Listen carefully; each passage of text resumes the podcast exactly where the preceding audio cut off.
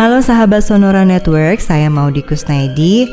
Saya ingin sekali mengajak Anda semua untuk belajar meditasi kesehatan bersama Bapak Merta Ade di Sonora FM 92 Jakarta dan Sonora Network.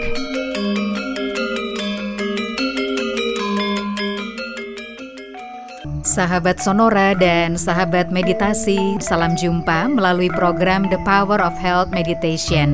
Kita belajar meditasi kesehatan bersama Bapak Merta Ade, guru meditasi kesehatan dari Bali Usada.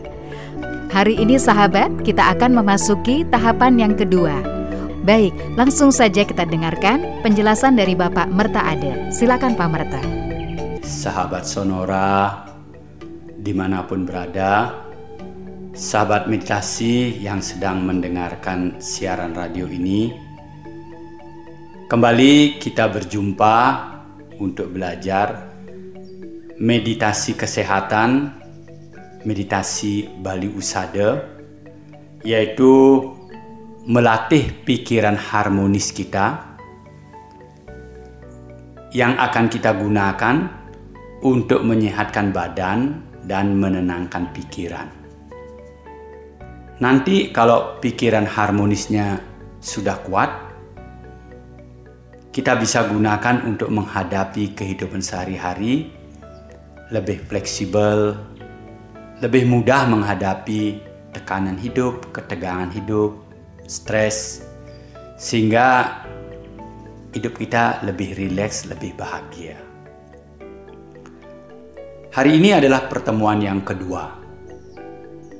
Jadi, kalau sahabat meditasi yang mengikuti pertemuan pertama kita minggu lalu, saya harapkan sudah rajin berlatih 30 menit setiap hari sehingga sekarang konsentrasinya sudah lebih baik. Artinya begini, kalau pikiran diletakkan di nafas, di dalam hidung, ketika nafas masuk, sudah bisa merasakan ketika nafas keluar sudah bisa merasakan, mungkin merasakan sensasi atau langsung merasakan batang nafas kita, nafas kita, atau mungkin hanya rasa gatal di dalam hidung. Kadang-kadang mungkin terasa kasar atau halus. Rasa itu dirasakan, disadari dirasakan sehingga konsentrasinya bertambah kuat. Nah, untuk pendengar yang baru hari ini bergabung, minggu lalu saya mengajak kawan-kawan untuk menguatkan konsentrasi. Jadi hanya merasakan nafas di dalam hidung. Karena pikiran yang diajak untuk merasakan yang halus dia konsentrasinya bertambah tajam. Pikiran itu seperti otot ya. Otot itu kalau dilatih makin berat, barbel atau beban yang kita gunakan tentu saja bertahap nanti ototnya makin kuat. Nah, pikiran juga demikian, makin halus yang dirasakan, diketahui, pikiran itu makin tajam. Jadi minggu lalu sahabat Sonora sudah berlatih di, di rumah namanya konsentrasi. Mudah-mudahan konsentrasinya sudah bertambah tajam, bertambah sensitif. Tapi mungkin saja masih sering ngelamun. Kenapa kita melamun? Karena kita tidak ada pada saat ini. Karena kesadaran kita kurang kuat. Jadi minggu ini kita akan berlatih yang disebut namanya kesadaran. Ada pada saat ini kita akan melatih sehingga ngelamunnya berkurang. Caranya berlatih seperti minggu lalu saya akan jelaskan dahulu teorinya hari ini. Nah, 30 menit terakhir nanti sahabat sonora, sahabat mitasi akan terus berlatih sendiri. 30 menit mungkin ditemani oleh musik yang halus, akan terus berlatih menguatkan konsentrasi dan kesadarannya.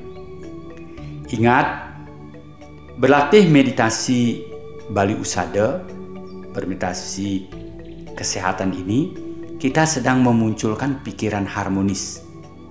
Dengan pikiran harmonis inilah kita akan menyehatkan badan, menyembuhkan sakit di badan, menenangkan pikiran dan menghilangkan trauma atau fobia di pikiran kita. Pikiran harmonis terdiri dari empat komponen yang dominan, yang baik, yang disebut namanya konsentrasi, kesadaran, cinta kasih, dan kebijaksanaan. Ini saya sudah jelaskan minggu lalu sehingga sekarang kita tahapnya melatih kesadaran. Nah, untuk itu mari kita mulai dulu dengan teori. Minggu lalu saya memberikan teori tentang motivasi. Mengapa kita bermeditasi? Manfaatnya apa? Riset-riset di dunia sekarang bagaimana begitu menjanjung, menyarankan orang untuk bermeditasi karena baik sekali untuk kesehatan dan ketenangan. Bagaimana dengan meditasi ini kita bisa melatih sel-sel di otak kita menjadi lebih kuat, kita tidak menjadi orang pelupa, banyak penyakit seperti tremor, Parkinson, lupus, imun sistem disorder dapat dibantu atau langsung disembuhkan.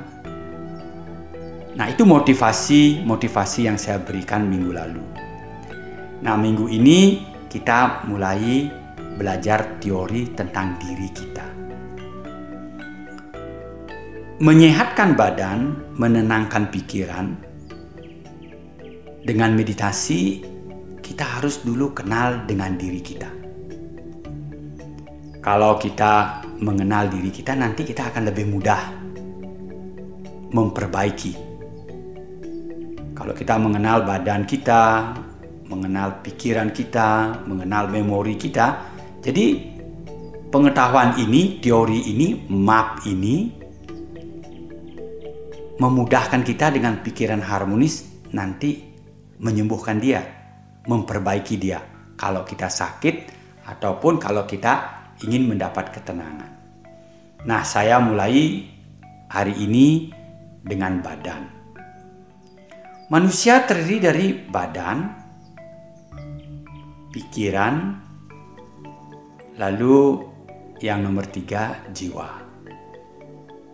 Atau mungkin dalam bahasa yang lain disebut roh atau atman ataupun kesadaran. Silahkan saya sudah jelaskan minggu lalu, badan dan pikiran kita itu sama. Saya mempunyai jantung, Bapak dan Ibu juga punya jantung.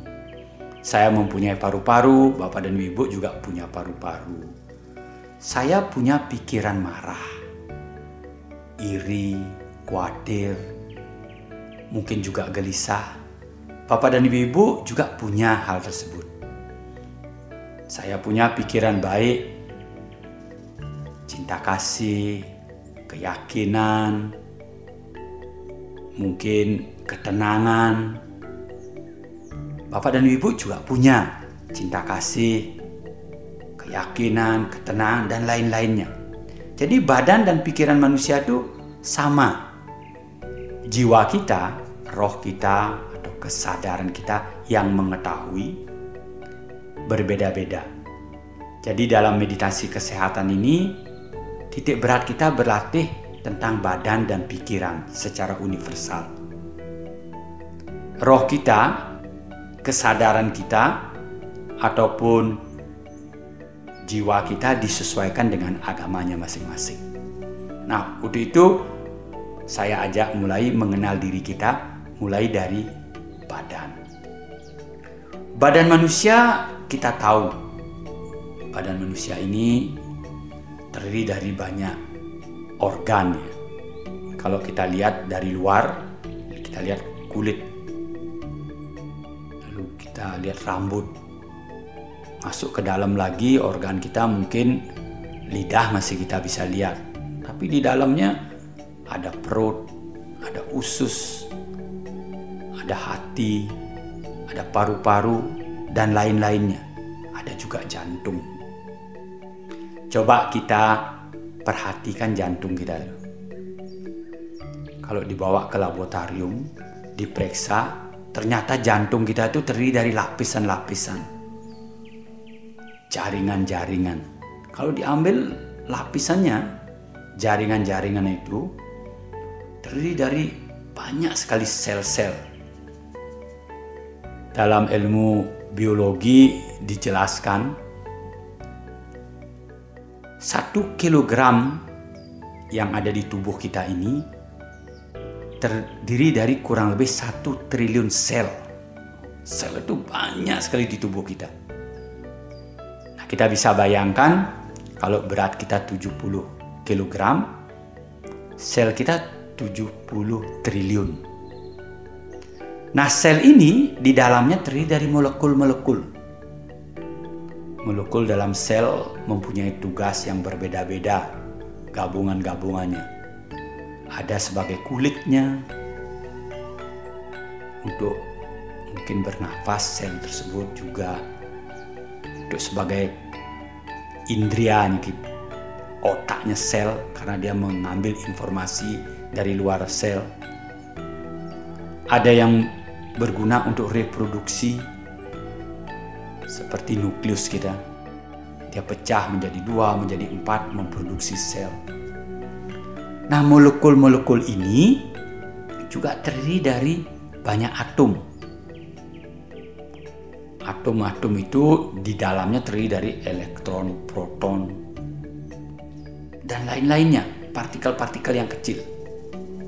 Kalau dipecah lagi, elektron atau proton ini didapatkan satu zat kecil sekali yang disebut namanya God particle atau mungkin kuak sekejap muncul lenyap dia. Dalam istilah meditasi disebut kalapa, partikel-partikel kecil sekali. Tapi partikel kecil ini pun belum yang terkecil. Kalau dibagi lagi, partikel kecil ini akan terdiri dari unsur-unsur yang sifatnya abstrak. Mungkin sekarang kita sebut terdiri dari energi. Nah, di dalam istilah meditasi disebut namanya unsur angin yang mempunyai sifat di badan kita itu kembang atau kempes yang bergerak. Di badan kita ini ada unsur yang seperti itu. Itu sebabnya badan kita bisa kembang, kempes, dia bergerak. Juga di energi tersebut, di unsur tersebut ada rasa panas atau dingin. Kita sebut mungkin temperatur zaman dulu disebut namanya unsur api. Karena dia merubah, mempengaruhi bentuk-bentuk daripada badan ini. Jadi di badan kita bisa terasa di seluruh badan kadang-kadang hangat, kadang-kadang dingin. Itu disebut namanya unsur api. Ada juga yang disebut namanya unsur air. Badan kita mempunyai kecenderungan untuk melekat atau mengurai. Dan yang terakhir ada yang disebut namanya unsur tanah. Ya sifat badan kita ini kadang-kadang terasa berat, ada ringan, kadang-kadang di tempat tertentu keras atau lembut, kadang-kadang kasar atau licin. Nah, Empat unsur ini yang terdiri dari 12 karakteristik inilah yang membentuk badan kita. Yang mungkin secara umum kita sebut namanya energi. Jadi kalau kita perhatikan, kumpulan dari energi menjadi atom. Kumpulan atom menjadi molekul. Molekul-molekul ini menjadi sel. Sel-sel jadi jaringan-jaringan, lalu terkumpul menjadi organ-organ di tubuh kita, lalu menjadi tubuh ini. Jadi sebetulnya badan kita ini hanyalah kumpulan-kumpulan energi. Nah sekarang energi ini datangnya dari mana? Sahabat Sonora yang mendengarkan siaran ini, mendengarkan siaran meditasi kesehatan Bali Usada ini, energi itu kita dapat pertama kali dari orang tua kita. Ketika orang tua kita melakukan hubungan suami istri yang normal gitu, tentu saja Adam sekarang melalui laboratorium dan lain-lainnya. Sel telur dan sel maninya bertemu sperma dan ovumnya bertemu. Ini energi pertama yang kita miliki. Lalu makanan dalam kandungan ibu dan temperatur dalam kandungan ibu ini energi kedua dan yang ketiga kita dapatkan. Ketika sperma dan ovum ini, sel mani dan sel telur ini ketemu, masuk batin kita jiwa dan pikiran kita itu masuk. Lalu dia bergetar. Getaran ini disebut namanya energi pikiran dan energi perbuatan. Karena begitu kita lahir, menangis kita mulai berucap. Nendang-nendang mulai berbuat dengan badan. Mungkin kita berpikir begitu kita lahir melihat mulai berpikir ini siapa, apa ini warna apa dan seterusnya. Ketika kita anak-anak, dewasa dan sampai sekarang. Jadi sebetulnya energi di dalam tubuh kita dasarnya itu dari lima tempat ini. Energi genetik yaitu datangnya orang tua kita. Makanan dalam kandungan ibu Tentu saja kalau sudah di luar kita makan sendiri. Lalu yang nomor tiga, temperatur. Baik temperatur dalam badan kita sendiri maupun temperatur di luar. Yang nomor empat, energi pikiran karena pikiran terus bergetar dengan memorinya.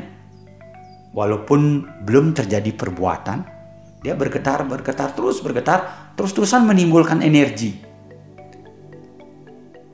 jutaan, miliatan, triliunan partikel-partikel kecil terus dibuat. Nanti saya jelaskan. Atau minggu-minggu akan datang saya jelaskan. Lalu yang kelima, energi perbuatan. Ketika kita berucap, badan kita itu bergetar.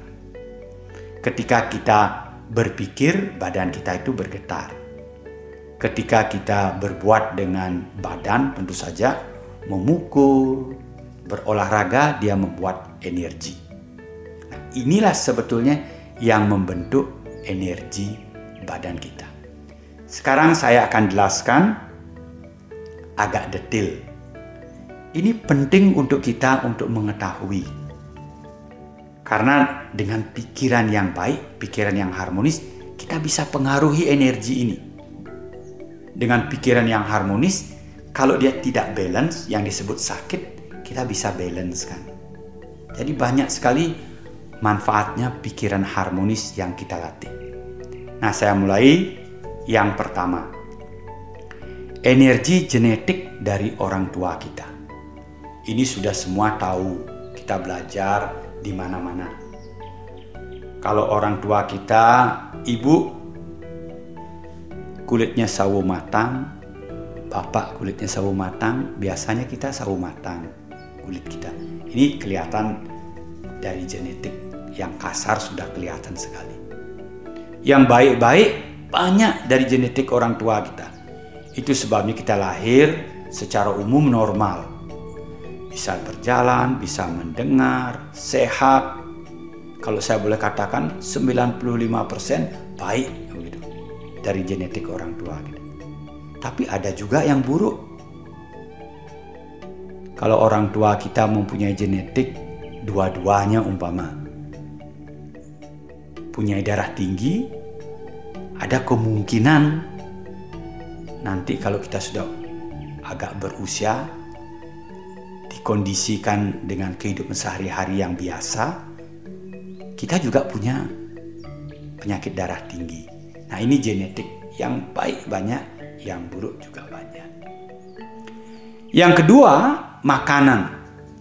Makanan kita tahu secara umum dalam kehidupan sehari-hari masuknya dari mulut, kita kunyah, lalu dilanjutkan mungkin ke lambung kita, usus kecil kita diserap, lalu darah beredar ke jantung, ke seluruh badan.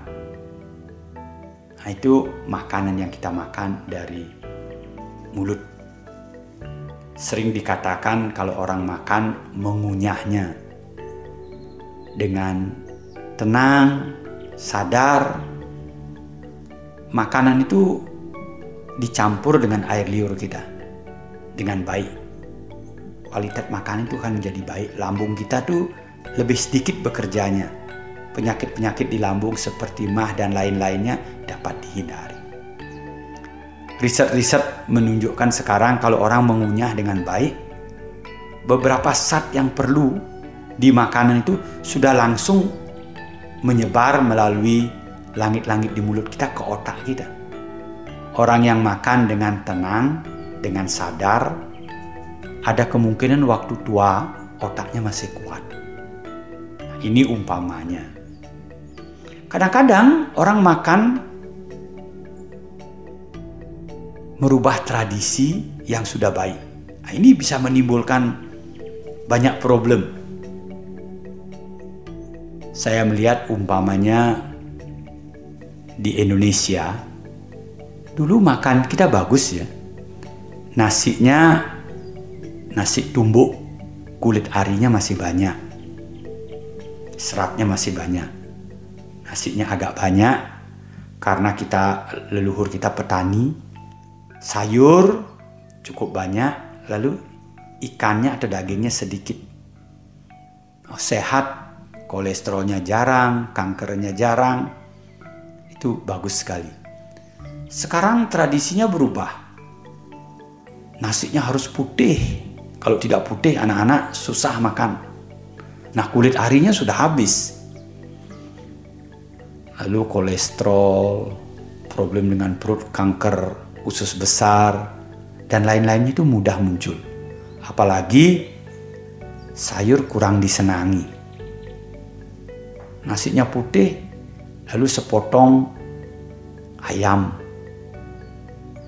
Ayam goreng gitu yang banyak minyaknya. Tentu saja lebih mudah sakit seperti itu. Nah, makanan itu tetap harus perlu diperhatikan. Makanan juga melalui hidung. Jangan lupa kita bernafas kurang lebih 20 ribu sampai 24 ribu sehari ya. Oksigen partikel yang masuk ke hidung kita itu beratnya bisa tiga kali lebih banyak dari makanan yang kita makan sehari-hari. Nah kalau oksigennya polusi, udaranya polusi. Lalu ketika kita menghirup dengan ketegangan, marah, benci karena bekerja di sekitar kita mempengaruhi kesehatan kita.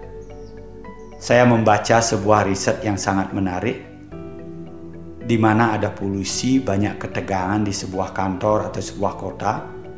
Di sana juga banyak orang yang sakit usus buntu. Jadi oksigen yang masuk ke paru-paru ada hubungannya C-nya dengan usus buntu kita. Orang makan bisa juga melalui energi di sekitar lingkungannya kita yang kita sebut namanya prana atau chi di tubuh kita. Jadi kalau lingkungannya bagus, olahraganya bagus, lebih mudah menjadi sehat. Nah, yang ketiga, temperatur. Temperatur kita sudah tahu dijaga dengan kesehatannya, dengan berolahraga. Tapi di dalam badan kita temperaturnya berbeda-beda. Hati kita dengan buah pelir kalau orang laki-laki paling panas. Hati kita dan indung telur untuk orang perempuan paling panas. Kalau dua-duanya ini tidak berfungsi dengan baik, mudah sekali kita gemuk. Kolesterolnya banyak di tubuh kita. Badan kita lebih dingin. Nah, bagaimana caranya melatih hati, melatih indung telur, melatih buah pelir? Sulit kecuali dengan pikiran diarahkan ke tempat di sana, diisi dengan pikiran harmonis supaya dia tambah hangat kalau dalam keadaan sakit. Nah, ini umpamanya temperatur kecuali berolahraga dengan pikiran kita bisa arahkan ke arah tubuh di dalam badan kita.